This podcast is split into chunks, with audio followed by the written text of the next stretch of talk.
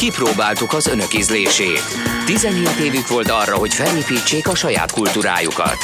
Így születtek a valóságsók, a szappanoperák, a Bundesliga frizura, a pankráció, a Rómeó és Júlia musical, a gyermekszépségversenyek, Michael Flatley, világslágerek Pánsipra és Okarinára, a hitvány ejtőernyős Elvis imitátorok, a makkos cipő és Richard Klederman. Az önök ízlése leszerepelt. Átvesszük az ügyet, és hozzálátunk a kármentéshez. Kezdődik az önkényes mérvadó itt, a 90.9 Jazzin. Szervusztok, kedves hallgatók! Ez itt az önkényes mérvadó 0630 20 10 909 az SMS, illetve a WhatsApp elő, elérhetőségünk, hogy kiknek? Puzsér Robertnek és Horváth Oszkárnak, akik itt vannak a stúdióban, és várják a hozzászólásaitokat. Egész konkrétan a Keep Smiling, boldogság demonstrálásának, mint életelv gyakorlásának a hétköznapi rutinjairól fogunk beszélgetni. Tudjátok, kedves hallgatók, egy mosoly nem kerül semmibe, de a másik embernek az egész napját bearanyozhatod vele vajon tényleg nem kerül semmibe egy mosoly? Mert ezek, akik, ezek a, ezek a mosolyvámszedői, ezek olyan olcsón adják ezt a mosolyt, mint hogyha ez tényleg nem kerülne semmibe. Egy mosoly nem kerül semmibe, de a másiknak az egész napját bearanyozhatod vele. Valóban? Tehát, hogyha a semmire fölmosolyogsz, az a másik napját bearanyozod? Vagy inkább magadról állítasz ki egy fogyatékosságot jelző bizonyítványt a másik felé? A, a mosoly az nem egyenlő a boldogsággal, és a nevetéssel sem. Tehát ö, am, akkor mutatod a fogadat amikor mosolyogsz. Ö, más egy olyan mosoly, amikor látod, hogy belül mosolyog az illető, és más az, amikor kívül. Ugyanakkor én azért nem bánom, ha bemegyek egy üzletbe, és nem egy ilyen búval elvert ö, eladó foglalkozik velem, hanem úgy érzem, hogy legalább az első pillanatban, mintha jó kedve lenne. De én nem várom ezt el. Neki de én kedve? egyáltalán nem várom ezt el az eladótól. Én az eladótól azt várom el, hogy adjon el. A pincértől azt várom el, hogy hozza ki az ebédet. Nem várom el egyáltalán, hogy mosolyogjon, nem várom el egyáltalán, hogy boldog legyen. Ez, ez nem is reális az elvárás, meg egyáltalán egy másik emberi lénytől elvárni a mosolyt, elvárni a boldogságot. Ez olyan dolog, ami jön, ha Válasszuk tud. el a boldogságot, tényleg nem várom el. De, De a... akkor, akkor azt várod el, hogy hazudjon egy mosolyt neked? Én nem várok el ilyesmit, nem is, nem is gondolom azt, hogy, hogy ilyesmit indokolt lehet elvárni. Az az igazság, hogy a mosoly az, az nem valakinek szól, hanem valakiről szól. Ezt kéne megérteni. A, az, hogy te mosolyogsz, az nem olyasmi, amivel te tartozol a másiknak, vagy amit a másik elvárhat tőled. Ez olyasmi, ami fakadhat belőled, vagy sem. De az a baj, hogy már olyan, ö, olyan zigóta állapotában támadod ezt a kultúrát, hogy lehet, hogy a televízióban, meg a fotókon ez történik, de a mindennapokban, az üzletekben és a kiszolgáló helyeken még nem. Még mindig arról számolnak be emberek, hogy hát voltak Amerikában is olyan jó, hogy ott mindenki mosolyog. Na igen, és csak. ezt most ezt mondjuk, hogy nem, nem biztos, hogy jó, sőt, akkor mosolyogjál, amikor van rá okod.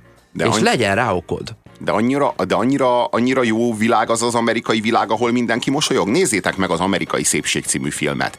Nézzétek meg abban az Ened Benning által játszott karaktert, aki azt mondja magának a tükörbe, ma eladom ezt a házat.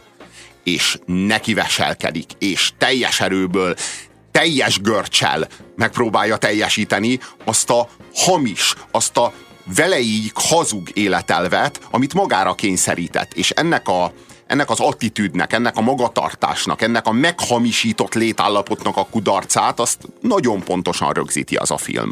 Hogy milyen mértékben nem működik ez. A, arról van szó, hogy a Keep Smiling az egy hazug életelv, és az amerikai közgondolkodást alapjaiban mérgezte meg. Egy meghamisított létállapotot eredményezett az amerikai embereknek a hétköznapjaiban, a pillanataiban. Na most egy valami biztosan rosszabb lehet annál, mint hogy neked rossz a kedved, és nem mosolyogsz senkire. Ez az, hogyha már a jókedved sem őszinte, már az sem hiteles, már az sem rólad tanúskodik, hanem egyszerűen csak megtanultad, hogy te neked kifelé, a világ felé egy boldogságot, egy felszabadultságot, egy elégedettséget, egy másik emberrel való a másik emberrel való kommunikációnak az önfelett örömét kell sugároznod, mert ha nem ezt sugárzod, a környezeted elutasít téged, magadra hagy téged, egyedül fogsz megdögleni egy bokor aljában, nem lesznek kíváncsiak rád az emberek, nem fogják rád nyitni az ajtót, hát ugyan miért lenne szükségük arra, hogy ők egy fancsali pofát bámuljanak? Van ennek egy ellentétes jelensége, ez angolul úgy hangzik, hogy resting bitch face. Hm a, annyit tesz nagyjából, hogy az alapjáraton ö, megfeszített izomzat nélküli arcberendezése valakinek goromba. Ö, emlékszem, hogy mozgó lépcsőn volt nekem nagyon sok évig ilyen szembejövő emberek arcelemzése élményem, és tényleg minden mozgó lépcsőn van legalább egy ember, aki úgy jön szembe, mintha külön téged gyűlölne. Olyan fejet vág, és, és ez neki az alaparca, tehát utána mindig rá kell jönnöm, hogy ő most nem vágott fejet, hanem ilyen van neki. Azt írja a hallgató, orvos vagyok, rendelésen inkább mosolygok, mert akkor nyugodtabbak a betegeim. Hát, hogyha te ezt meg tudod csinálni. Csak én meg úgy vagyok vele, hogy nekem személy szerint senkinek a szemében az én előmenetelem annyira nem fontos, hogy én a szociális belső drive-omon túl mosolyogjak. Tehát van egy, van egy belső szociális szükséglete az embernek, például amikor zavarban van, akkor mosolyog, hogy a zavarát elüsse, vagy a másik, a másik ilyet, zavarát elüsse. csinálni, hogy mm. igen, igen, igen szóval, hogy, szóval van egy, van, tehát vannak az embernek szociális skilljei, amelyek belülről fakadnak. Az ilyeneknek, hogy mondja, az ilyeneknek nem kell és nem is szabad ellenállni. De amikor az ember ezen felül mosolyog, hogy jó benyomást keltsen, tehát ez már egy ilyen ravaszdi mosoly, és akkor itt már fölvetődik a kérdés, hogy miben különbözik, hogy miben különbözik a, a, a mosolygás, a vigyorgás és a vicsorgás. Uh-huh. Mert hogy ezek fokozatok. Én úgy gondolom, hogy a, vi, a, a mosoly és a vicsorgás között van a vigyorgás, félúton a vicsorgás és a mosolygás között. A mosolygás őszinte, belső fedezete van. A vicsorgás az, az tulajdonképpen a fogak villantása, és nem kevés félelmet kelt. És hogy valahol a vigyorgás mint erőltetett mosolygás már a, a vicsorgás felé félúton található meg valahol. Nem azt mondjuk, hogy ne mosolyogjunk, hanem hogy ne folytassuk akkor, amikor meg már nincs rá okunk, hogy legyen őszinte, és hogyha az őszinte mosoly és az őszinte nevetés az kevesebb szer van, akkor nézzünk utána, hogy mi az oka, de nem kell egy kvótát elérni mosolygásból, ha épp nincs rá okunk, akkor nem. Tehát, hogyha most derült ki, hogy nem tudom, tüdőrákom van, akkor, akkor nem mosolyogjatok. Akkor nem mosolyogjak egy negyed órán keresztül. De, de, de nem csak a... De nem, amilyen, de, de, de, amilyen én vagyok, az ötödik percben valami nagyon ordinári viccel ütném el. De, de, én meg, de, de, én meg, de én meg ennél tovább mennék ha nem derül ki, hogy nincs tüdőrákom, akkor hadd nem mosolyogjak már egy darabig. Tehát, hogy arról van szó, hogy ha nincs kifejezettem okom mosolyogni, hanem köz csak úgy megvagyok, ne kelljen már mosolyogni, és fontosabb ennél, hogy ne várjuk el egymástól, hogy mosolyogjanak, vagy hogy mosolyogjunk. Tehát ne legyen ez egy szociális követelmény, hogy már pedig mosolyogjunk, már pedig demonstráljuk egymás felé a jókedvünket, az elégedettségünket, a boldogságunkat, a sikerességünket, mert az egész valójában nem más, mint egy selfie kultúra a hétköznapokban. Valójában arról van szó, hogy megszelfizem az életemet. Tehát már a fizikai térben a valóságos hétköznapi jelenlétemet is egy kirakattás irányítom, egy ö, rontom le. Ha mindenki a mozgó lépcsőn és a tömegközlekedési eszközökön mosolyogna, de egy ilyen kis félbarátságos, tudod, hogy ha rám néz valaki, ne legyen már neki kellemetlen érzése, akkor olyan, úgy érezném magam, mintha egy olyan világban lennék, mint abban a Röjkszop klipben az a kis infografika, vagy tudod, a repülőgépeken a, az üléstámla hátuljában lévő grafikán ezek a, ezek a kis boldog család, két gyerek, apuka, anyuka, és így mosolyognak a, a mentő mellénybe, mert hát lezuhantak, de még élnek mondjuk akkor Na, ilyen rögtön. körülmények között szabadjon nem ilyen crash test daminak lenni, aki akkor is mosolyog, amikor már szétlocsant a fél agya. írtak nekünk a kedves hallgatók, azt írja, ha bemegyek a boltba, akkor elvárom, hogy örüljenek annak, hogy ott pénzt költök. Nehogy már én legyek megtisztelve azzal, hogy pénzt költök ott. Na hát, kedves kollega, szerintem nagyon eltéveszted a magad helyzetét a teremtésben. Tehát azt érts, hogy te bemész abba a boltba, ott egy csomó dolog eladó. Az eladók mosolya nem eladó. Az nem termék. Az nem neked van ott. Az nem azért van ott, hogy, a, hogy annak te örüljél. Tehát attól, hogy te ezt elvárod, nézd, te bemész egy biciklisboltba, ott vásárolhatsz biciklit, meg biciklipumpát, meg lámpát a biciklidre, de az eladóknak a mosolya az nem termék. az nem, az nem jár neked. Elad... És én nem is értem, hogy te milyen alapon vársz el bármi ilyesmit. Eladó a menyasszony. Van ez az én vagyok a vevő. Nem ismersz meg, én vagyok a vevő. Mindenki úgy magyarázza, vagy meséli ezt a sztorit, mintha valami rokonával történt volna meg. És borzasztóan arrogáns. Úgy, hogy én kedvelem azt, ha valaki arrogáns, mert ha, ha olyan jól néz ki. De ezzel ne pózoljon senki, hogy egy vele azonos szintű dolgozó embernek, amikor neki már lejárt a munkaideje, beletörli a lábát. Bocsánat, az én vagyok a vevő, az egy nagyon jó ö, ö, mondás, és nagyon indokolt akkor, hogyha ott és akkor valamilyen konkrét sérelem történt, mondjuk munkaidőben őt nem szolgálják ki mondjuk, vagy valami ilyesmi történik, akkor nagyon jogosan mondhatja valaki, hogy én Jó vagyok a vevő, és nekem itt joga, jogaim jogos vannak. felháborodás esetén. Világos, de pusztán azért, mert valaki nem mosolyog a pofájába, amikor elad neki valamit, nem termék. A másik embernek a mosolya, a másik embernek az attitűdje, még akkor se, hogyha ő ott eladó, még akkor se, hogyha ő ott van alkalmazásban, nem termék. Nem arra való annak az embernek a mosolya, meg a fogsora, hogy rád izé villogtassa, Jó, tudod? De, de ne az legyen ennek az ellenkezője, hogy akkor hogy ilyen bús arcot vág, hanem, hanem legyen egy természetes állapotban. De most könyörgöm, ja, hadd legyen már joga ahhoz, hogy búsuljon, ha, arra, ha, ha olyan a kedve, hadd legyen már oka annak, hogy ha majd örül, akkor akkor örüljön, és hogy az öröme az, a, az belső belső drive-ból fakadjon, és ne pedig külső kényszerből. Tehát a, a legszörnyűbb az az, amikor meghamisítjuk a saját létállapotunkat, és egy kényszeredett vigyort magunkra hegesztünk pusztán azért, mert meg akarjuk őrizni az állásunkat, meg akarjuk őrizni a presztízsünket, más emberek tiszteletét. Ennek egy szélsőséges példája a fitness versenyek Tudod, ahol ilyen Igen. irgalmatlan nehéz gyakorlatokat csinálnak, de közben telefogsorral vigyorognak. Nyilván azért, hogy ezzel is felértékeljék a nehéz gyakorlatot, hogy milyen könnyű volt és ez, ez, ez versenyez. Amúgy ilyen teljesen ellentmond egymásnak a kettő, valahol jól néz ki, de hát ez sem igaz. Régi kínai mondás írja a hallgató, ne nyiss üzletet, ha nem tudsz mosolyogni, pedig azok kommunisták ha régi kínai mondás, akkor talán azok még nem voltak kommunisták. Kevésbé nem is érthetnék de egyet. De tudtak magyarul? Hmm. Én sokáig levert és fanyalgó arcot vágtam gyerekkoromtól kezdve, borzalmas hatást váltottam ki vele, amióta egy belső mosolyt erőltetek magamra, sokkal jobb visszajelzéseket kapok. És belső néha már, mosolyt erőltetek. És néha már erőltetni sem kell, hanem alappá vált. Hát nézd, szerintem, szerintem nem, hogy mondjam, ez az erőltetés, tehát ez, ez szerintem jó, jó vért nem szül. Mondok, mondok, Robin, mondok neked egy példát. Én mostanában elég boldog vagyok, és hogy megyek így az utcán, de nem látszik rajtam. Nem is kell, hogy látszódjon, csak például tegnap előtt innen mentem haza, nem is haza, hanem egy, egy barátomhoz Nagykovácsiba, és, és tök jó kedvem volt, de mivel kettő órán keresztül beszéltünk és kifejeztük magunkat, bekapcsoltam az egyik kedvenc zenémet, és az arcizmom nem rezdült. Tehát egyszerűen nem ült ki az, hogy amúgy jól érzem magam épp, és erről ö, elégedett vagyok.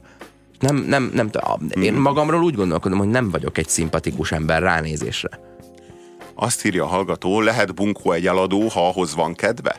A munkáltató elvárása az, hogy kedves legyen a vevőkkel az üzlet érdekében. Ez mióta gond, nem vágom senki nem beszélt bunkóságról. Arról van szó, hogy nem kötelessége belevigyorogni a vevőnek a pofájába, ha mondjuk rossz kedve van. Az udvariasság, a tisztelet, a korrekt emberi nexus, az szerintem egy teljesen jogos elvárás, de nem csak a bolti alkalmazottól, hanem bármilyen más embertől senki nem bunkóságról beszél. Arról van szó, hogy kell-e jókedvet, meg boldogságot demózni a másik felé.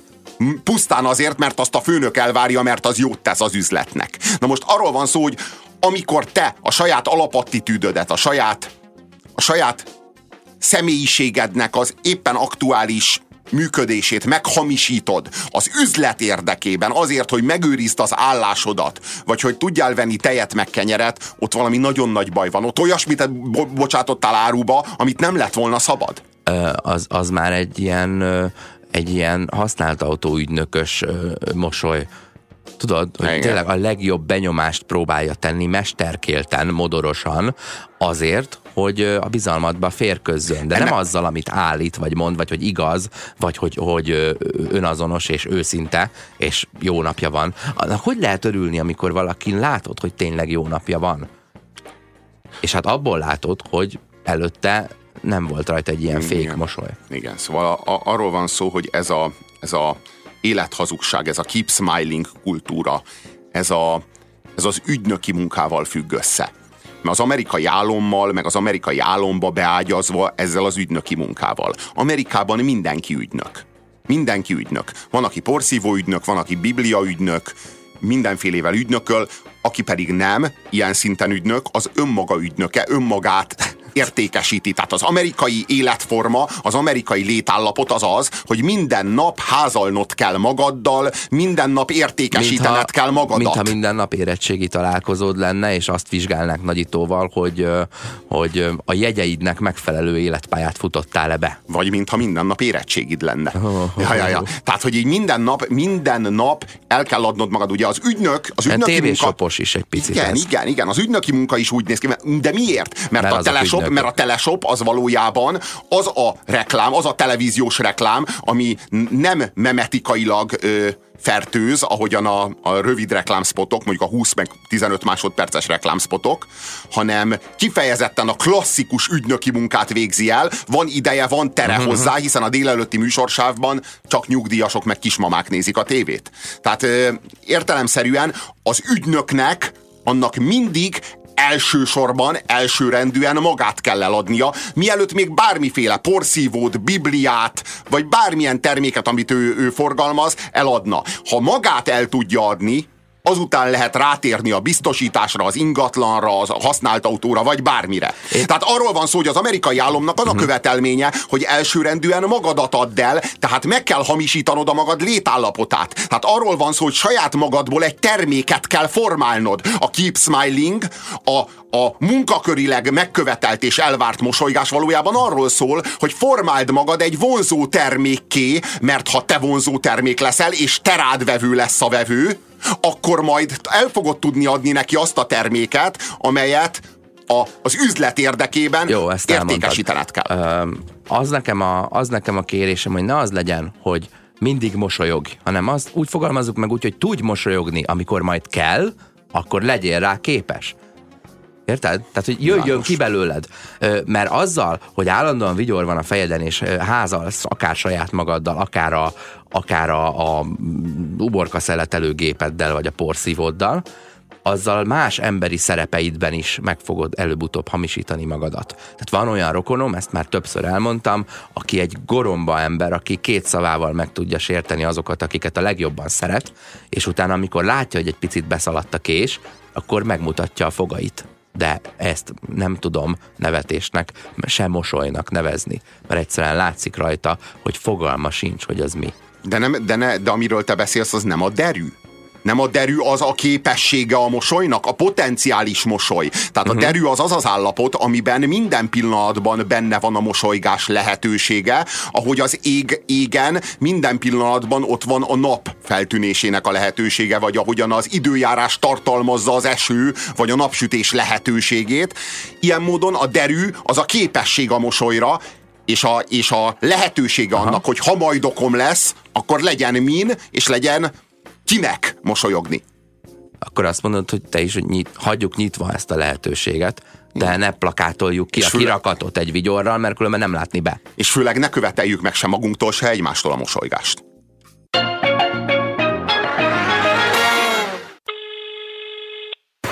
Sziasztok, Dani vagyok, és szeretném kérni Sakirától azt a vaka-vakásat. Dani, jó lenne, ha megértenéd, hogy a kívánság műsor olyan szó összetétel, mint a békeharc. Vagy kívánság, vagy műsor. Ez az önkényes mérvadó a 90.9 Jazzin. Dévényi Tibi bácsi ma nem rendel.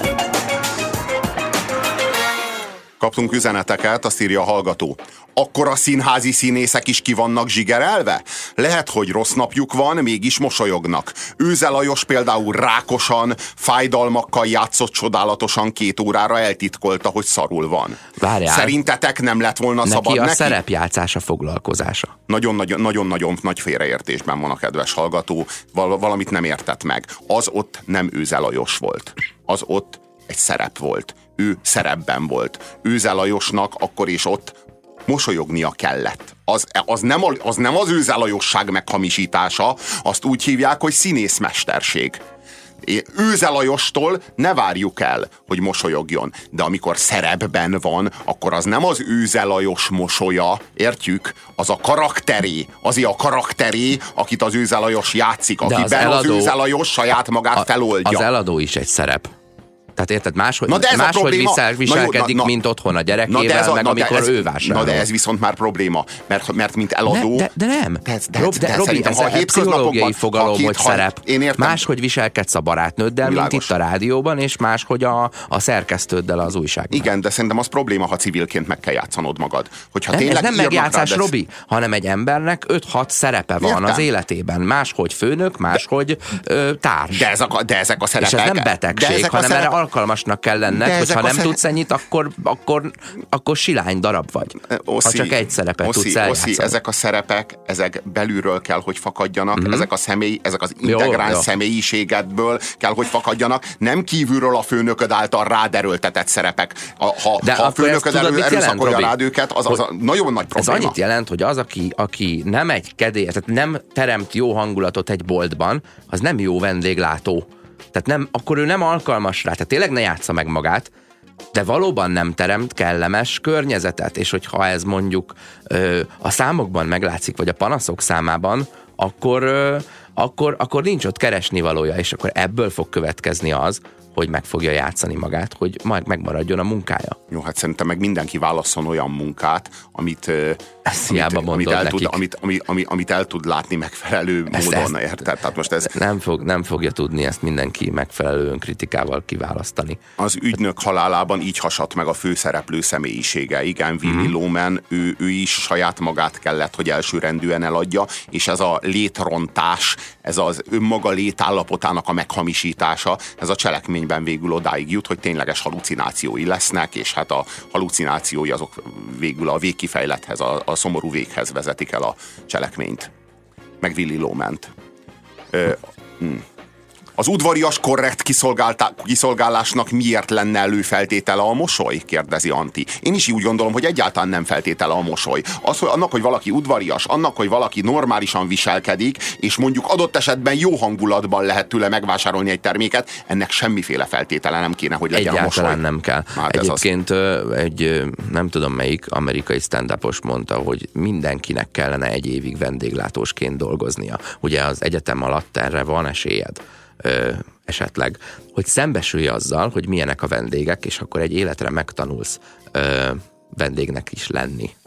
A munkád is egy szerep, amit a megélhetésedért végzel. Vannak elvárások az életben, Oszinak igaza van. Jó, de nem- hogy- nem várjunk, kell két- ripacskodni Csak, kétféle, csak azért lássuk, hogy kétféle szerep. Tehát amikor valaki Willy loman játsza a színházban, meg amikor valaki egy szerepet játszik a hétköznapjaiban a munkahelyén, mert a főnöke azt elvárja tőle, azért ez ugye két Na, na, dolog. na, na, nem, ne játsza. De van ilyen szerepe. Tehát ő, De, de, de millió, szerepű, szerep- de millió szerepünk van, jön, könyörgöm. Az anyáddal, amikor az anyáddal vagy, akkor a gyerek szerepét játszod. Amikor a csajoddal vagy, akkor a férfi szerepét játszod. Amikor a munkahelyeden vagy, akkor a kollega szerepét játszod. Amikor szavazni mész, akkor a választópolgár szerepét játszod. Ezek szerepek, de ezek mind te vagy. Ezek a te különböző oldalaid. Olyan, olyan úgy, úgy vedd magadat, mint egy térveli tárgyat, és ahogyan különböző oldalakról ránézel, a különböző oldalait mutatja a te lényed, a te sokrétű lényed. Ezek nem kívülről rád erőszakolt szerepek. Ezek a, ezeket a szerepeket te szervesen alakítottad ki a különböző élethelyzeteidhez. Azt mondja Tóth Balázs a Facebookon, szakítás utáni I'm fine kommunikáció, gyönyörű jelenség a Facebookon. Ugye ez, ezt csinálják a szakítás után, hogy csinálják, ugye én nem, hogy én találtam előbb párt, illetve jól vagyok. Mint a, a Survive, az I Will Survive című dal, tudod, hm, jó vagyok, találok mást, izé, mert hogy nem vagyok jól, és Igen. még nem találtam mást, úgyhogy Azok inkább a- írok róla egy a- számot. Azok a boldog szép napok ég veled. Aha, aha, Igen, aha, igen, aha. igen, igen. igen. Vagy, hát a, vagy hát az apostol szám, amiről pénteken beszéltünk, ugye, hogy azt mondja, hogy ö, eladó, kiadó most a szívem, mert nem lakik benne régóta senki sem, és utána onnantól kezdve folyamatosan a Úgy régi, kell, a már régi egy, új, lakóról úgy kell beszél. már egy új lakó. Igen. Pont úgy Igen. nézel ki, mint, aki, mint, aki, mint akit egyáltalán nem érdekel. Ö, a Rózsa írja a Facebookon, hogy anyám mindig azt mondta, meg kell tanulni mosolyogni. Ö, de, igaza, jó, de igaza de- van, de mert, meg, jó- mert de tudni jó- kell mosolyogni, de nem jó, kell ez- állandóan mosolyogni. Ez két különböző De könyörgöm, nem meg kell tanulni mosolyogni, hanem, hanem hanem hagyni kell a gyerekedet mosolyogni inkább. Tehát, hogy a- ha meg, ha meg kell tanulni mosolyogni, na köszi, hát ezzel nagyon jó, a jó kedvet csináltál a mosolygáshoz, ezzel, ezzel a követelménnyel, Nem, hogy tud- meg kell tanulni. Hát Tudni kell. Szerintem meg inkább arról van szó, hogy a mosolyt tudni kell, nem el, nem el eloszlatni. Elfoly- és eloszlatni. elfolytani Vagy, se. vagy, hogy mondjam, tehát, hogy a mosoly, mosolyt hagyni kell megtörténni, és nem pedig megtanulni csinálni. Na, uh-huh. ennyi. Gellért Gábor, ha nem vagy boldog, akkor nem vagy jó hasznos tagja a társadalomnak. Ja, ja. Ugye, Ja, ja, ja. hogy ez, ez, ez megy gyakorlatilag, ezt kell, ezt kell kifele demózni. Megkaptuk a nap SMS, SMS-ét. Na, És ezt így a műsor első felében kihirdetni, ez erős önbizalomra val. igen, Ezek vagy, vagy, vagy, egy nagy, vagy egy nagy meggyőződésre. Igen. Joker figurája talán ennek az attitűdnek a, leg, a legpontosabb karikatúrája. Szép. Na hát itt íme a nap sms -e. De tényleg a Joker, tehát tényleg a Joker, a Joker az amerikai Keep Smilingnak ez a, ez a groteszk karikatúrája. Tehát amikor valaki komolyan veszi, és a pofa, pofádba vigyorog, de ez a vigyor, ez már nem az amerikai álom hőséjé, hanem ez már a pszichopata vigyora. Most folyamatosan úgy tűnünk, mintha negatívak lennénk. Egyébként általában úgy szoktunk tűnni, és ez azért van, mert a legtöbb dolog nekünk valószínűleg nem tetszik, és azért nem tetszik, mert valami annyira tetszik, hogy annak a, annak a kontrasztjában és árnyékában méltatlan lenne bármihez még jó képet vágni. Tehát mindenből fel tudok hozni egy olyan példát, amire felnézek, amit tisztelek, amin ámultam, amikor először láttam, és ennek a tükrében gondolom azt, hogy minden más rossz. Világos. De... És én ezt nem negatívnak ö, gondolom, hanem ez, ez a, a megfelelő vagy a kiemelkedő minőségnek az elválasztása, elkülönítése a, a silány minőségtől. Arról van szó, hogy ha az ember különböző minőségű entitásokat megtapasztal, Most ezek tárgyak, emberek, tartalmak, leginkább, művészeti leginkább, alkotások, kulturális, leginkább kulturális, kulturális művészeti Ja. tartalmak, igen. Hogyha ezeket megtapasztalja, megismeri, érti és fogyasztja, akkor ez kialakít benne egy kulturális referenciát, amihez Persze, aztán mindent mérni fog. De most Mert az, mert de- sznopság, de- hiszen a, a, a, a nemes ö, alkotáshoz vonzódsz, és azt véded a, a testeddel azzal, hogy minden másra azt mondod, hogy az, az nem elég jó. De most akkor mondok egy, mondok egy, egy, egy, egy megvilágító erejűnek szánt példát. Hogy az anyád, az veled mindig nagyon normális volt, mindig nagyon szeretett, mindig nagyon bensőséges, és nagyon jó volt a kapcsolatod vele, mindent el tudtál mondani neki, stb. Ez egy referenciát képez a te életedben. Azután te a barátnőittől is elvársz egy ilyen minőségű intimitást, mint amit az anyádtól tanultál, és most ezt eh, kéretik normálisan érteni, mert mindenki, a, tehát a szeretetet tanulni kell, a szeretést tanulni kell. A fiúk az anyjuktól tanulják, a lányuk az apjuktól, és később a pasiaikkal, illetve a nőikkel az anyjuknak, illetve az apjuknak a szeretet nyelvét próbálják meg gyakorolni, amit vele az elsajátított. állította be neki a szeretet és annak a kommunikációjának a minőségét, Igen. és hogyha ezt más, például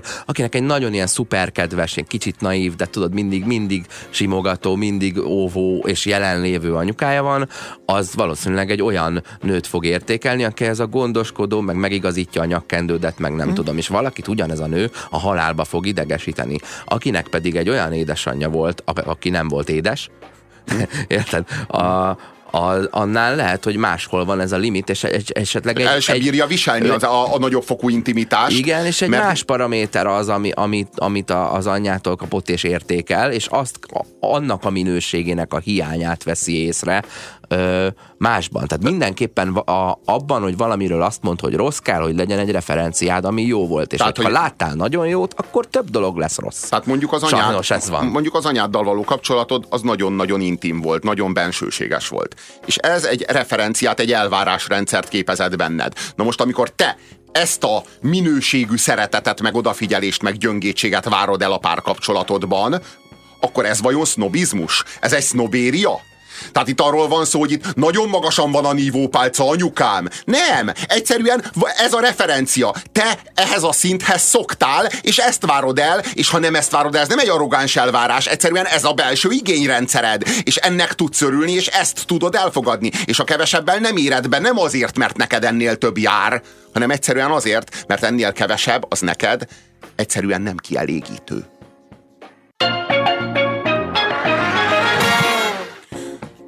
Azt írja a kedves hallgató, hogy Joker figuráját valójában a Nevető ember című 1928-as Viktor Hugo filmadaptáció ihlette.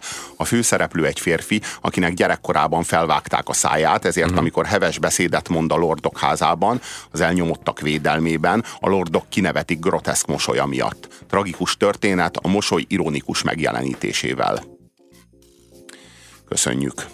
Legyetek boldogok, srácok, írja egy smiley keretében Zoli. Hát ez a legrosszabb ilyen tréner duma.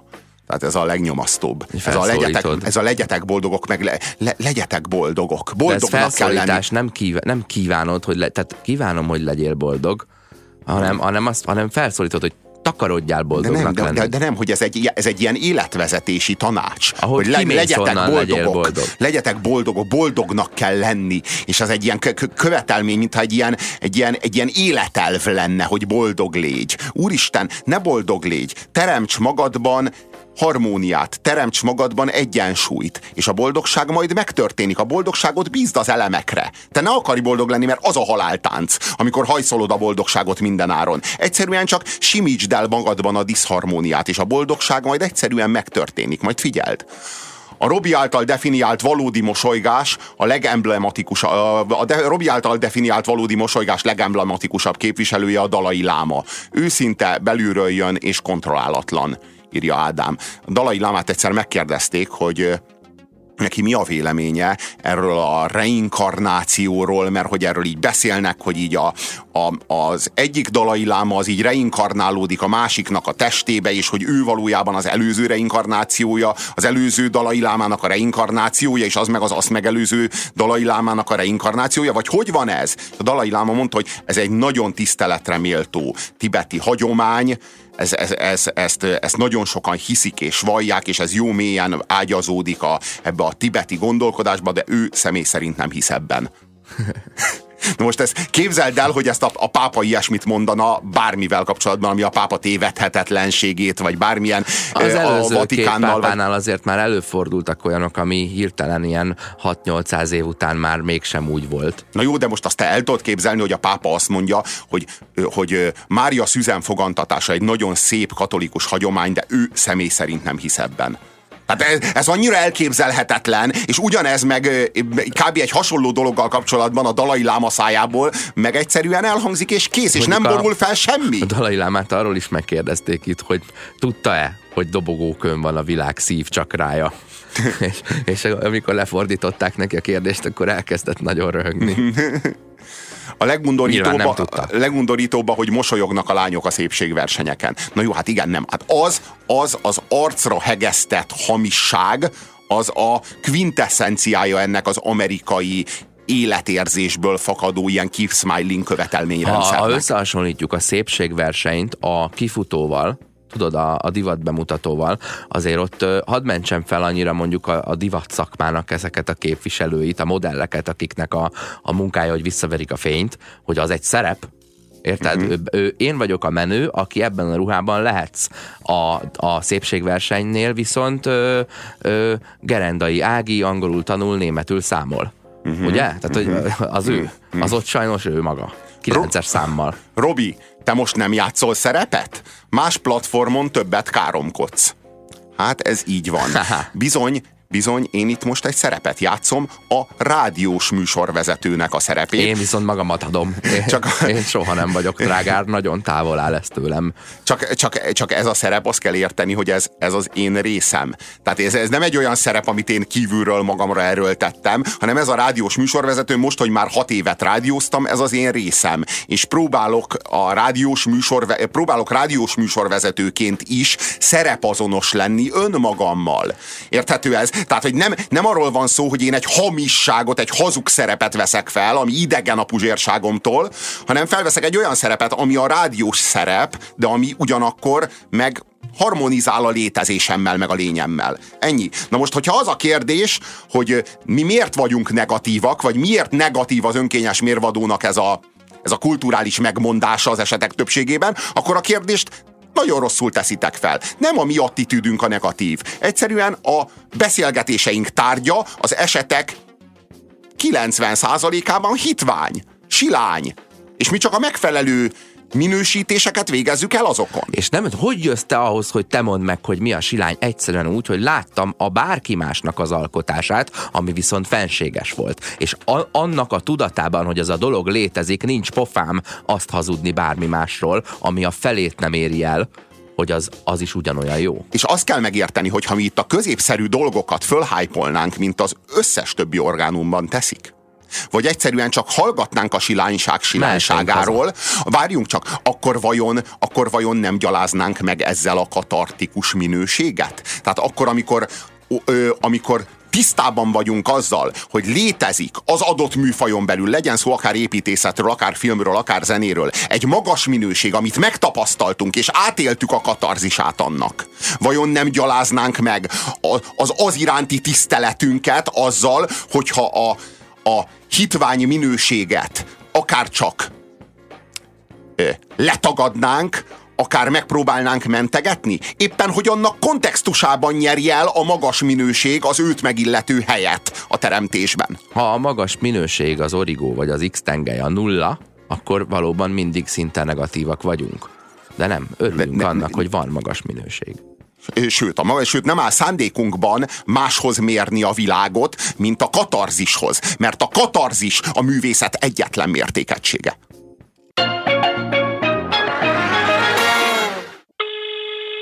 Halló, kivel beszélek, kérem? Ez az önkényes mérvadó Puzsér Robertel és Horváth Oszkárral a 90.9 Jazzin. Én a Mária néni vagyok. És kit tetszik keresni? Hát a kodás kisasszonyt. Akkor nagyon rossz számot tetszett hívni. Nem, jót hívtam én. Ja, akkor én fodrász vagyok. Én meg a körmös. Hát én nem tudom, mi van az országban, de köszönöm, hogy zavartam, nem akartam. Isten áldja meg, fiam kaptunk üzeneteket, azt kérdezi a hallgató, a meghasonult ember milyen szerep? Na hát a meghasonult ember az nem játszik szerepet. Pont ez a lényeg, az nem szerep. A meghasonult ember az éppen az, aki kiesett a szerepeiből, a hazug szerepeiből, meghasonult a hazug élet szerepeivel, és a, és a személyiségének az integritása az helyreállt. Persze a meghasonultsága az az addigi élet, élet hazugságának a vonatkozásában áll fenn, tehát az, a, a, a helyreállt személyiség integritás az nem, nem egy, egy döccenőmentes vagy zöggenőmentes változás. Értelemszerűen ez az addigi élet végét jelenti, és mint minden ilyen változás, krízissel jár. Ezt hívjuk meg hasonlásnak. Miért hasonlásnak hívják? Hát mert az új, a, az integráns személyiség és a hazug életszerep az, az szembe kerül egymással. Szembefordul egymással, meghasonul. Tehát, a két, tehát hogy mondjam, a két a, a, hasa egymással szembe fordul. Igen, igen, igen, igen. A, a, a, face to face. Igen, igen. A személyiség... Belly a, to belly. Igen, a, igen, a személyiség, integrit, a személyiség integritása helyreáll, a hazug életszerep pedig ezzel szembe kerül. Azt írja a pozitív versus negatív témánkhoz Sándor Zoltán pap, tegyétek sorba a nevét, hogy Brian Tracy szerint a negatív és pozitív dolgokat nem válogathatjuk meg, mert azok jönnek. Amit viszont megválaszthatunk, az, hogy hogyan reagáljuk le. Nekem ugyan nem fér a fejembe, hogyan lehetséges egy negatív élményre pozitívan reagálni, vagy fordítva. Egyszerűen az emberi ösztön, az ember ösztönei nem így működnek. Annyiban lehet igaza, amennyire a minden rosszban van valami jó közhelynek. Minden rosszban van valami jó? de mm, tudod... Igen, semmi nem fekete vagy fehér, én meg kivéve rész, a fekete és a fehér. Én meg ezt részvédtelenségnek tartom. Tehát a, a, minden rosszban van valami jó, tudod, mit érzek? Amikor, a, amikor ez az ilyen ezó, nem tudom én, ősanyuka, vagy kicsoda, vagy valamilyen, nem tudom én, ilyen, ilyen, ilyen ezó agymosott személy, az a rákbetegnek azt tanácsolja, hogy egyen több görögdínyét. Tudod?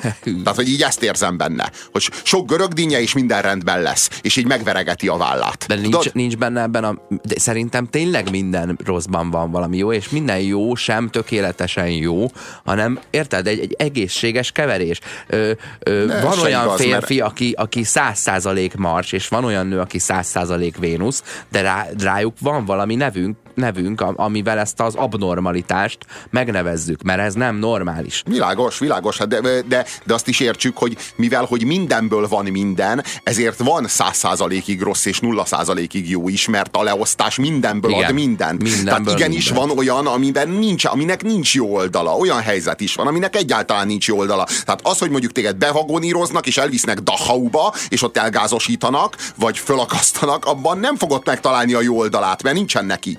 Nincs benne. Ja, ja. Szóval, és É, egyébként a meg lehet, a- lehetséges, hogy bocs. van, mert mondjuk a, mondjuk a, mondjuk A Benyini, igen? Tessék? az élet szép. Na, az élet szép De ott például. nem, ott nem volt semmi jó, Nem. hanem csinált belőle. Na jó, de, Érted? na várjunk, de ő ott, de ő ott a gyerekének Mhm. a, a gyerekét próbálta detraumatizálni. Tehát a, a traumát, a, gy- a, gyerek, a gyerek traumáját próbálta elkerülni. Ez egy ilyen pszichoszínház volt az egy színjáték amit volt. Igen, neki. az egy színjáték volt. Kezelés hogy, a, hogy játék, igen, igen, igen, hogy egy, hogy, egy, hogy egy játék közegbe mentse a, a, a gyerekének a meghurcoltatását, meg a, meg a, a, a, a, a, a az üldöztetését. Tehát, hogy ez, ez, az, egy, az egy másfajta helyzet. Tehát azt nem, nem lehet így értelmezni. Az inkább egy színház volt, akkor így mondanám. Jó, ugorjunk el a haláltáboroktól, ö, és menjünk vissza erre, hogy minden rosszban van valami jó. Az, hogy azt mondom, hogy tanuljunk meg magunkon nevetni, az nem egy picit rokona ennek? Mert ezt már mondtuk. Nem. Tehát, hogy ott kezdődik a, a humor és a, az, hogy mindenen tudunk Nem. nevetni, hogy magunkat is ki tudjuk nevetni. Igen. De, de, de, ne, várj, de nem a, meg haláltábor kapujában de- de a tudom humor- magamat de, a de, következő héten maximum.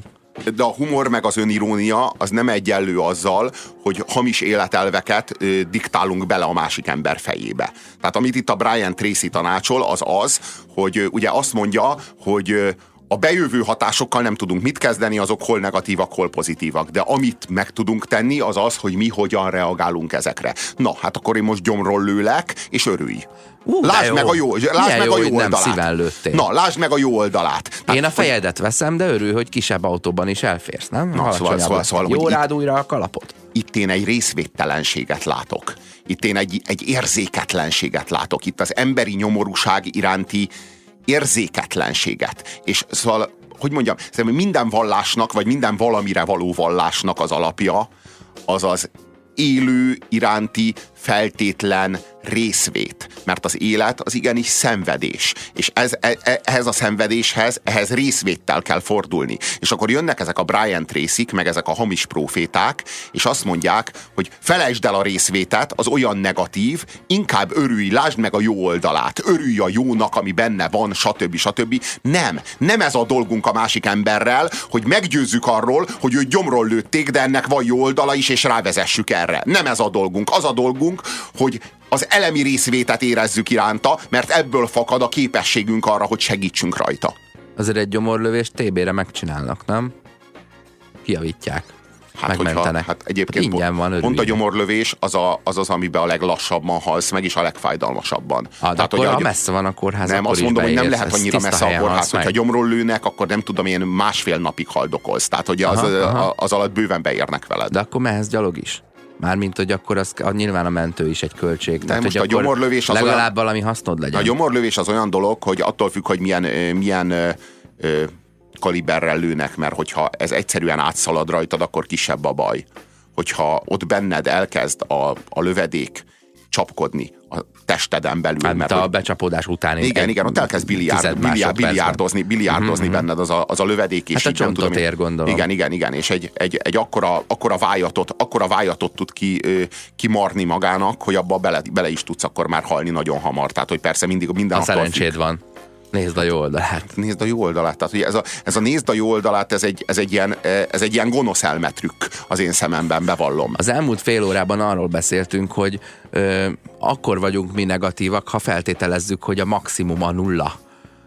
És azért, azért tűnünk negatívnak, azért tűnik a hozzáállásunk negatívnak bizonyos alkotásokhoz, mert láttunk jobbat, és azt ne, nem tisztelnénk meg eléggé, ha bármi másról azt hazudnánk, hogy megközelíti azt a színvonalat. Mm. Én akkor arcon köpném magamat. De nem mi vagyunk De negatívak. lehet, hogy nem érzem rosszul magam. De nem Hál' mi vagyunk Istennek. negatívak, hanem a világ 90%-a silány.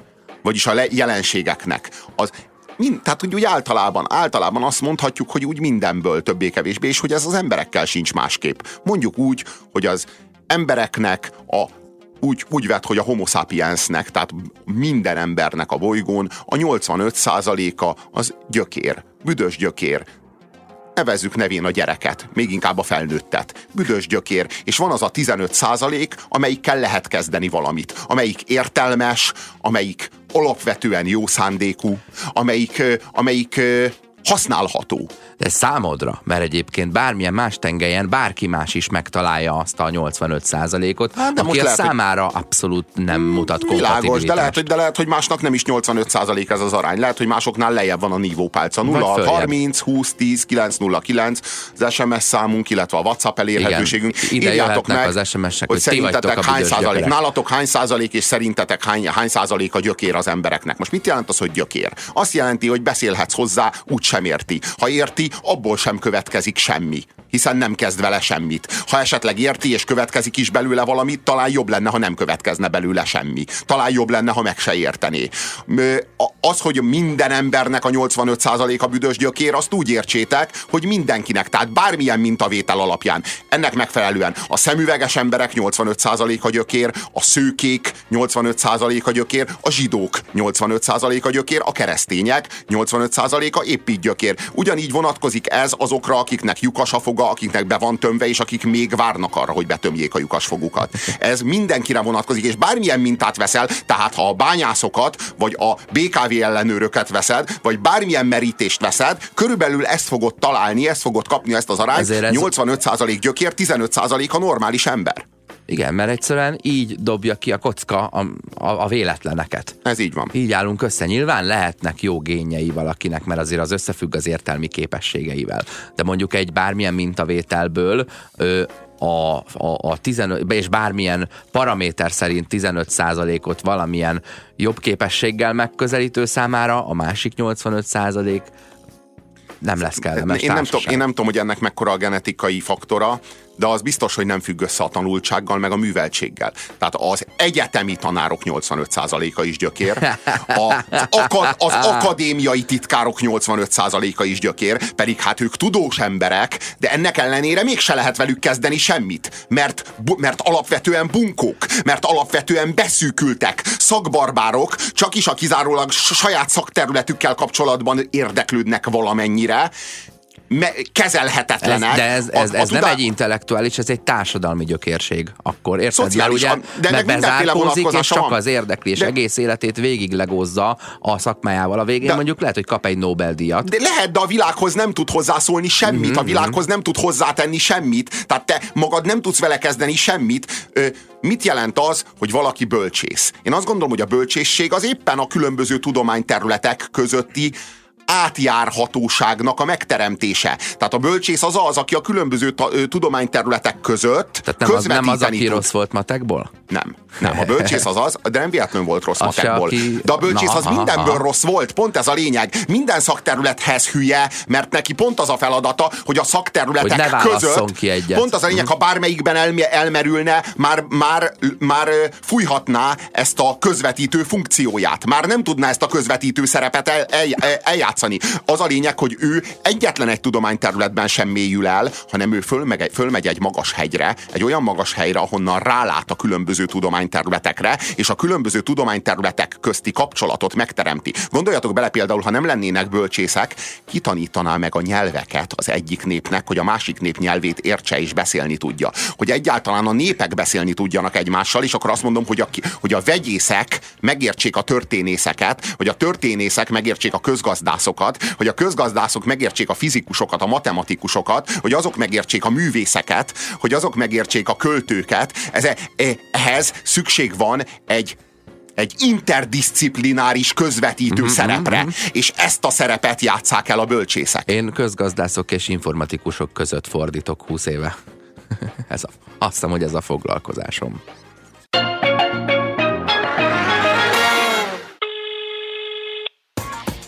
Sziasztok! Én Evelyn vagyok, budapesti ö, hallgató, és a Szanditól szeretném kérni azt a, azt a jód, jódli számot, tudjátok? Sajnálom, de a több ezer éves civilizáció elleni bűn lenne, hogyha ezt teljesítenénk. Sziasztok! A több ezer éves civilizáció vagyok, és megtiltom, hogy teljesítsétek Evelyn kívánságát. Ez az önkényes mérvadó a 90.9 Jazzin. Dévényi Tibi bácsi ma nem rendel.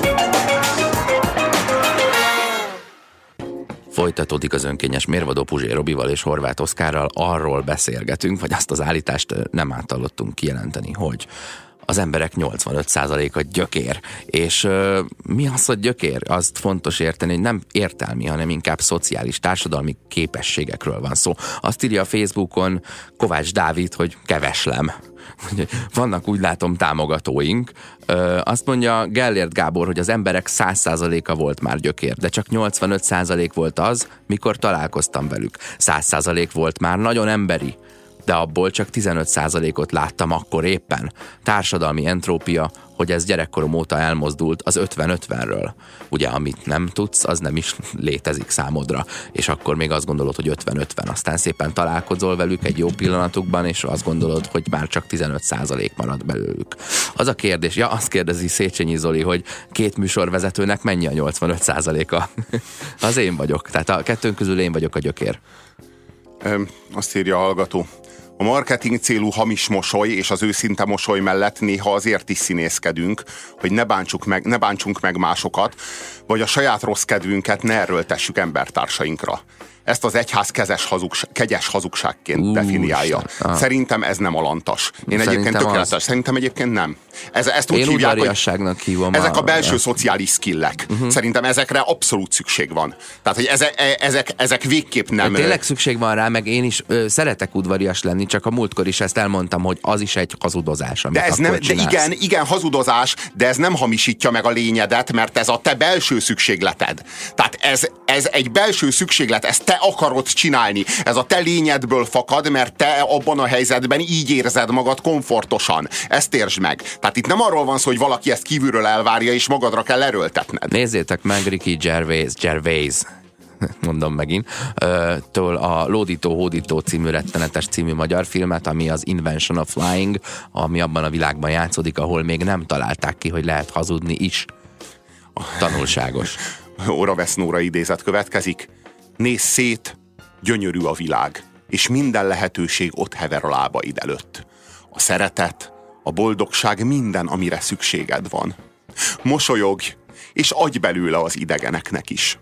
Ez- Hát köszönjük Nóra a Ez, léleksimogató ez nem, nem gondolatot. normális ez a csaj konkrétan. Sziasztok, mi A alatt jó anyu... értelemben. Próbáltál valamit helyre rakni. Persze, persze, Közjogilag. ez csak az én véleményem. Sziasztok! Mi alatt anyu otthon van, és szeret feltétel nélkül, apu csak este jön haza, és akkor is fáradt, sőt az érzelmeit sem tudja úgy kimutatni. Így a lányok referenciája egy elérhetetlen, szemtelen, de törődő kapcsolat. Ezért sikeresek a tuskós rácok a 20 éves csajoknál. Ez annyira pontos, Ú, ez szép. az üzenet, hogy kár, milyen kár, hogy nem lehet a nap üzenete, hiszen már megválasztottuk a nap üzenetét, de ez a holnapi Ennyi. napra nagy eséllyel pályázik. Küld el holnap is. A villamos alatt fekvő ember mosolya nem mindig őszinte, írja a hallgató, és egyetértünk. Fáj? Mm, csak ha nevetek. Sziasztok! Mikor elvonón voltam, mindig azt mondták, hogy mosolyogjak. De én azt mondtam, hogy ha állandóan mosolygok, egy idő után az zárt osztályon találom magam. Nem értették. Bizony az zárt osztálynál még az elvonó is jobb. Na, na, meg az önkéntesnek tűnik, nem? Egy ideig. Öm, Ugye ar- arról beszélgettem, hogy nem, ö, nem értelmi, hanem inkább szociális képességekről. Azért valahogy a kettő keverékéről van szó. Mit szólnál ahhoz, ha most egy kozmetikus csaj, Robi, azt mondaná neki, hogy hát a világ 85%-a ö, igénytelen. És jelentsen ez bármit, mert általában nem az ápoltságot szoktad, akkor így felsorolná, hogy rosszul öltözik, nem szép a bőre, egészségtelen a külseje, ápolatlan, mosdatlan, ö, stb. Valószínűleg igaz, igaza van. Valószínűleg igaza lenne. Valószínűleg igaza lenne. Nála, nála máshol van a nívópálca. Csak én azt gondolom, hogy a belső... Nem, a, ugyanott van a nívópálca, hanem egy másik, másik, másik kamerán keresztül nem, nem, nézett. de nem, nem, nem. Arról van szó, hogy nálunk is van ö, igényességi, kozmetológiai nívópálca, csak uh-huh. egy kozmetikusnál azért magasabban van. Tehát azért nálunk a hajléktalan és magunk között valahol félúton van a nívópálca, ami az igényesség minimumát jelöli. Nála ez meg mi köztünk, és ő közte van valahol. Tehát, igen, és, igen, igen, egy számtek tanár is lehet, hogy azt gondolja, hogy így felháborodik, hogy mi az, hogy nem tudsz ezért Turbo Pascalban programozni, a túrót érdekel Én még az. mindig ezen az óra, óraveszórán vagyok elkattamva, hogy mit Minden jelenthet, hogy az a, monda, az a mondás mit jelenthet vajon, hogy a szeretet, a boldogság az egyetlen, amire szükségünk van. De ez már ez, ez kettő. mit jelent? De ez mit jelent? Tehát, hogy ebből mi következik, és egyáltalán mit mond ezzel, mert hogyha csak a szél lobogtatja a száját, akkor akár meg is tarthatná magának. Ö, megfigyeltétek-e, kedves hallgatók, hogy az optimista ember az soha nincs a csúcson, hiszen ő mindig jobbat vár. Kvázi a saját helyzetét úgy értékeli, hogy hát még nem vagyok a csúcson. Ezzel Ez szemben... nem optimista, hanem bárgyú. De, nem, Ez a, de ez az optimista. Várjunk, az optimista az jobbat vár, tehát a jóra számít, e szerint nem lehet a csúcson. És nem is tekinti magát a csúcson. Ezzel szemben a pessimista az mindig a csúcson van, hiszen ő mindig rosszabbat vár. E szerint, ha, ha, várjál, ha pessimista vagy, az nem azt jelenti, hogy a mostani helyzeted rossz, hanem hogy az a hozzáállásod a mostani helyzetedben, hogy innen már csak lefelé vezet. Aztán utána feljebb lesz, és kvázi, kvázi de lehetséges, de kvázi te saját magadat a csúcsra pozícionálod, amikor pessimista vagy, hiszen az az hozzáállásod, hogy innen már csak le, rosszabb Na, jöhet. de nem a csúcs, hiszen ö, nem, te egy lejtőre pozícionálod magad, nem a csúcsra, mert előtte is jobb volt. Régen mindig jobb volt, a ez is pessimista, hiszen mostantól minden rosszabb lesz, ezt állítja ezzel. De én szerintem itt három fogalomról Nem, ami a beszélünk. régen mindig Robi, jobb volt, bocsássál meg, ami régen mindig jobb volt, az nosztalgikus, az nem pessimista. A csak jobb jöhet, az optimista, a csak rosszabb jöhet, az pessimista. Jó, de ez rá- ráillik a tengelyre. Tehát a, a függvény az így, így szalad le és csúszik le. Régen minden jobb volt, most már csak rosszabb jöhet. The worst is yet to come. De én azt gondolom, hogy a pessimista ember valójában csak kudarc kerülő. A pessimista ember nem negatív. A pessimista ember egyszerűen Mhm. mm-hmm. berendezkedik arra, hogy az a helyzet, ami most van, az, egy, az még egy relatíve jó helyzet. Próbálja a jót éppen, hogy a jót megtalálni a mostani helyzetben, és számít a rosszabbra. Én- én azt De ő érzem- egyszerűen nem szeretné azt érezni, hogy holnap után így a fejéhez kap, hogy úristen, váratlanul jött a rossz, na most aztán rám dőlt a ház, hanem ő arra készül, hogy holnap jön a földrengés, és ha nem jön, Én az azt- csak öröm. Én azt érzem, hogy itt igazából három fogalom van, csak mindig kettőt említünk, mert van a pessimista, és ennek az ellentéte, aki mindig a csúcson van, és úgy érzi, hogy nem tudott jól teljesíteni, az inkább a maximalista. És az optimalista, az, az a kettő között kellene, hogy legyen. És hogyha, érted, ha, ha én az optimalista kifejezést pozitív fogalomnak akarom értelmezni, akkor én azt úgy magyarázom meg, hogy ő az optimumra törekszik, hogy nem, nem, nem pessimista, uh-huh. és nem is maximalista. Igen, És igen. akkor, akkor épp elmélyül. Igen, igen, az optimista, ha, ha tényleg az optimumra törekszik, és nem a maximumra, az a baj, Hát hogy nem a ez a neve? De, de, de ez a neve, ez a neve, de mégse ezt értjük alatta. Igen. Mégse ezt értjük alatta, Igen, hanem, a, nem. ha, hanem az, optimi, az optimistán a jövő maximalizmusát kimeríthetetlenül vágyó és remény, remélő embert értjük. És, és hogy ugye arról van szó, hogy, a, hogy a, az, ami, az, ami még jön, az, ami az, ami elkövetkezik, attól jobbat és többet várni, az, az nem feltétlenül az a pozitív gondolkodás. A pozitív gondolkodás az, hogy köszönöm, most nagyon jó. Ha pessimista vagyok, akkor a jelenlegi helyzetet egyáltalán nem tartom rossznak. Ha optimista vagyok, akkor a jelenlegi helyzettel nem nagyon vagyok elégedett. Azt lássuk, hogy az optimista ember a jelen helyzettel kapcsolatban sokkal rosszabb megítélést hordoz, mint a pessimista ember. Van ez a félig üres pohár, félig teli pohár duma, de soha nem mondják meg, hogy mi van abban a pohárban. Érted? Sav vagy sör? De mindenki úgy áll hozzá, hogy sör van benne.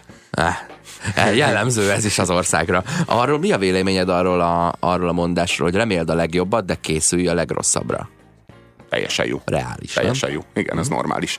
Én, én, én is, engem is pessimistának tartanak, írja a hallgató, pedig csak realista vagyok. Jó, ezt sokan gondolják így.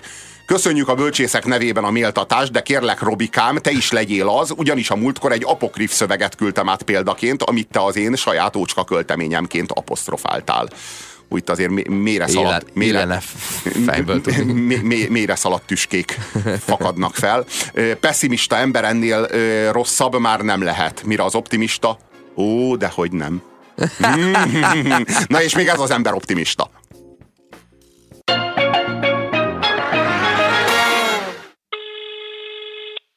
Hello, Reni vagyok. Én nagyon szeretem a műsort, de mm, szóval túl sok a duma. A több zene jót tenne. Örömmel hallgatom meg a rádió műsorodat, Reni.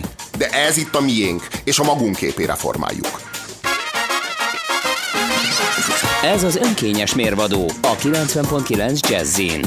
Nem szolgálunk, formálunk. Kaptunk üzenetet, azt írja a hallgató, sziasztok, az emberek 80%-a gyökér, és az emberek 100%-a hiszi azt, hogy nem tartozik bele a 80%-ba, írja Gábor. Ez is pontos. Na, viszont van egy csoport, amire nem vonatkozik ez. Tényleg van Mhm, egyetlen csoport, amire nem vonatkozik, hogy ez a 80-85 százalékos arány, hogy a, annak a csoportnak a tagjai 80-85 százalékban gyökerek lennének, ez a csoport, A ez gyökerek. a gyökerek csoportja, amelynek 100 százaléka gyökér. De ezen kívül az összes csoportra vonatkozik. Ők örülhetnek, meg hátradőlhetnek. Azt írja ö, Pál Fidani, hogy kérlek ne idézzetek többet Oravec Nórát, mert megint befejeltem egy monitort. Na ő 100%-ig gyökér, gondolja Dávid. Nem 150 százalékot ír? 150. Nem, várjál, 150 150 százalék. Azt mondja Gellért Gábor, és ez érdekes. Robert Norbi szerint a világ 85%-a aluledzett, és rossz sorrendben eszi a pörköltet, meg a csokitortát. Azért nem csak nívópálcán mérik, hanem szemlélődőn is. Nem csak a nívópálcán múlik, hanem a szemlélődőn. Nem tudom elolvasni, amit írt, pedig esküszöm számítógépen keresztül küldte. Tapaszt... De világos, tehát a, a Norbi számára az aluledzettség a gyökérség. Nem, a Norbi szótárában a gyökér az az aluledzett. Most eh, mi, mi is értünk, Szerencséjére. mi is értünk valamit, a, értünk valamit a gyökér alatt, Norbi is ért valamit a gyökér alatt, de Aha. mivel, hogy Norbi egy fitness fasiszta, ezért az ő számára a gyökér az egy testi De fejletlenség, egy edzetlenséget jelent, és eh, ez semmi más. Ez csak ennyi. Teljesen világos. Világos. Tapasztalatom a magát optimistának vallókkal kapcsolatban, hogy gyakorlatilag képtelenek bármivel azonosulni, közönyösek, felszínesek, akik, akik semmit mondó idézetekből táplálkoznak, írja András. Csak a végével tudok egyetérteni, tehát a többi azért az beleszaladt a velünk való konformos véleményalkotásba, de az, hogy idézetekkel táplálkoznak és takaróznak, az nagyon adja. De tényleg- minden, mert pontosan erről beszélünk, amikor ezeket a, a közmondásokat ö, előrángatjuk és megmagyarázzuk. De én meg tényleg azt érzem, hogy ha valaki így demózza magáról azt, hogy ő igenis optimista, meg ő igenis pozitív, ott egy ilyen végtelen felszínességet érzek, ami ilyen t- trénerek számára jól megmunkálható szűzföld. Az biztos, igen. Hát Ja, azt, ja. A, azt, a, azt a falat könnyű lemosni, amin bőven van kosz. Miért nincs Jézus Krisztus körút? Tesszük Miért nincsen Isten tér, mondjuk? Miért nincsen Jézusnak egyáltalán köztéri szobra? Hogy-hogy? Nem elég nagy ember? Nem elég nagy ember a Jézus Krisztus, hogy, a, hogy itt Európában köztéri szobra legyen? Mert ugye tudjuk, hogy Rio de, de Janeiroban ott van köztéri szobra Jézusnak, ugye? Tehát ott ugye van a klasszikus emblematikus, ikonikus Jézus szobor. Európában miért nincs ilyen? Vagy ott van például a római katolikus egyháznak az első számú katedrálisa, a Szent Péter székesegyház, ugye a Vatikánban. Hogy, hogy Szent Péter székesegyház? Nem találtak jobbat, jobb nevet neki? Mondjuk Jézus Krisztus székesegyház? Vagy megváltó Jézus Krisztus székesegyház? Miért Szent nem elég, Péter? nem elég nagy ember? Tehát a top level ö, házikó a, az egyházban az a Szentpéterig mer elérni. Na de ez az érdekes. És ez a kult szó, hogy mer. Na de erről van szó, hogy hogy, hogy. Tehát mi az oka ennek, hogy Szent Péterről van elnevezve a legnagyobb temploma, meg az első számú temploma a római katolikus egyháznak. Mi lehet az oka vajon ez? Miért nincsen Jézus körút? Mi az oka ennek? Van egyébként szerintem egy-két ilyen, ilyen, mit tudom én, megváltó Jézus urunkról nevezett lögöző baptista gimnáziuma, mondjuk. Mhm. De ugye ezt is csak úgy meri kimondani, hogy valahogy a Jézusról nevezett, hogy így tart egy lépés távolságot, tudod, Mhm. Prince, the artist, formerly known as Prince. A filozófusok kertjében van Jézus szobor, írja a kedves hallgató, ez igaz, de ott Jézus nem vallási funkciójában. Minden templomban van Jézus szobor, Várjunk, várjunk, de a, filo, de, a, de a filozó, de az más, az más, mert ott az kegytárgy. Uh-huh. Tehát más valami, ha köztéren van, és más, ha templomban van. És Tehát, itt? Ö, itt? Itt meg arról van szó, hogy a filozófusok kertjében Jézus nem mint, ö, mint messiás, vagy mint a, a, a, a Istenfia megváltó, vagy mint a, mint a, a, a, a vallástárgya, a numinózum szerepel, hanem ő ott, mint egy nagy gondolkodó, mint egy nagy filozófus, mint a, az, az, az emberi gondolkodásnak egy, egy nagy megújítója szerepel, olyanokkal együtt, mint Chuang Tse, meg olyanokkal együtt, mint Konfúciusz, meg olyanokkal együtt, mint mondjuk, úristen, kik vannak ott, Lao Tse, tehát uh-huh. Buddha, tehát az ott, ott annak másfajta, másfajta szerepe van ott annak a Jézus szobornak. Tehát ott az nem vallási funkciót lát el, de azt azért érzékeljük, hogy a, hogy a, a Rio de Janeiro-i az ott kifejezetten egy vallási jellegű ö, szerepet kap. Na most én azt gondolom, hogy van, egy, van az emberben egy, egy jó ízlés. Van egy mérték, egy belső mérték, ami nem engedi, hogy Jézus Krisztust ilyen mértékben profa, profanizáljuk, vagy profánná tegyük. Tehát, hogy Jézus Krisztus az egy, az, egy, az egy szentségnek a tárgya, és mint egy szentségnek a tárgya nem rángatható le, és nem tehető egy körútnak, vagy egy utcának, vagy egy térnek a De névadójává. még úgy tűnik Európában egy templomnak sem, mert nem, nem elég nagy ember, hanem már túl nagy. Túl ahhoz. nagy. Tehát, hogy a- nem arról van szó, hogy Jézus, Ember. Hm. hogy Jézus nem elég nagy ahhoz, hogy elnevezzék róla a vatikáni templomot, hanem arról van szó, hogy a vatikáni templom túl kicsi ahhoz, hogy Jézusról nevezzék el. Vajon a Petőfi híd az hogy lett Petőfi híd? Talán úgy, hogy a komcsik úgy érezték, hogy a Petőfi az alkalmas A arra...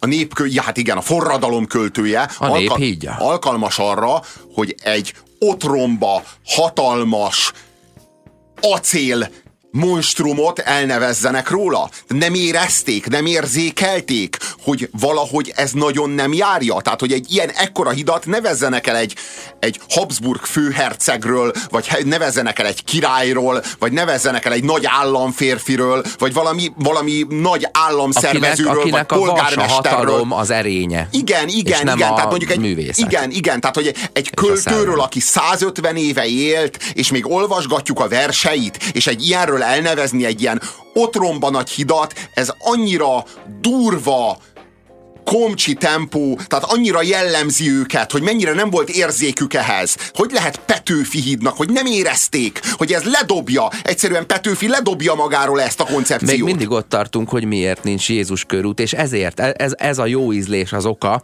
ami persze az európai jó ízlés, hiszen tudjuk, hogy ez máshol a világon megtörténik. így. Tehát engem vitt taxival, Uberrel konkrétan inkább így mondom, Jesus nevű ember.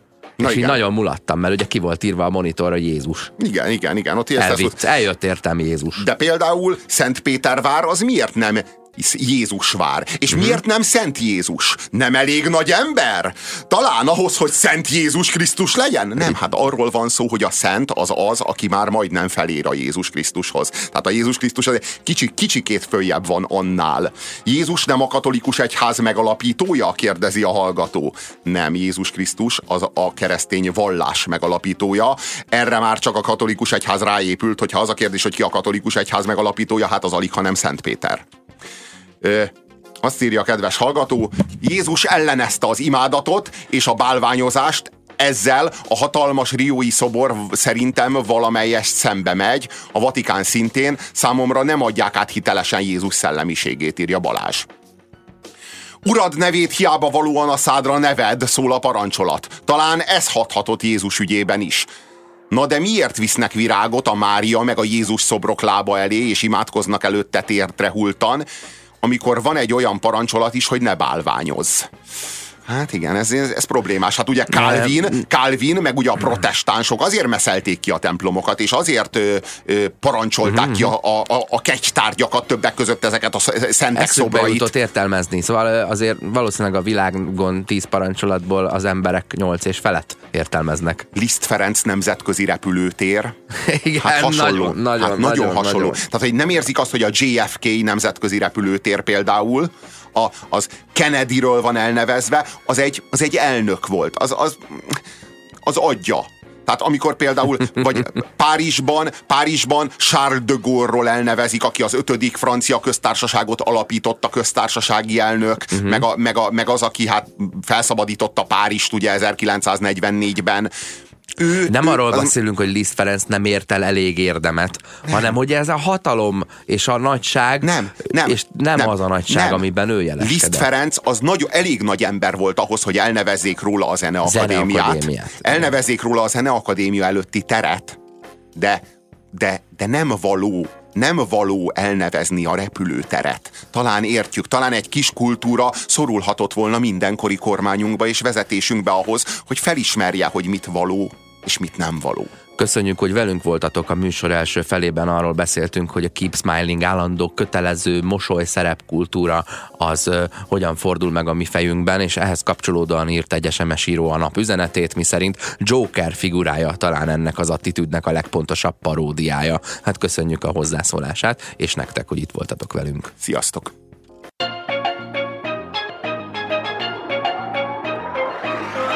Köszönjük türelmüket! A közízlés ma is undorral tolta a tányér szélére mindazt, amit főztünk. Megbuktunk, és legközelebb újra megbukunk. Megmaradt hallgatóinkat, Sándort, Dénest és Annát várjuk vissza minden hétköznap 17 órától itt, a 90.9 Jazzin, az önkényes mérvadóságjában.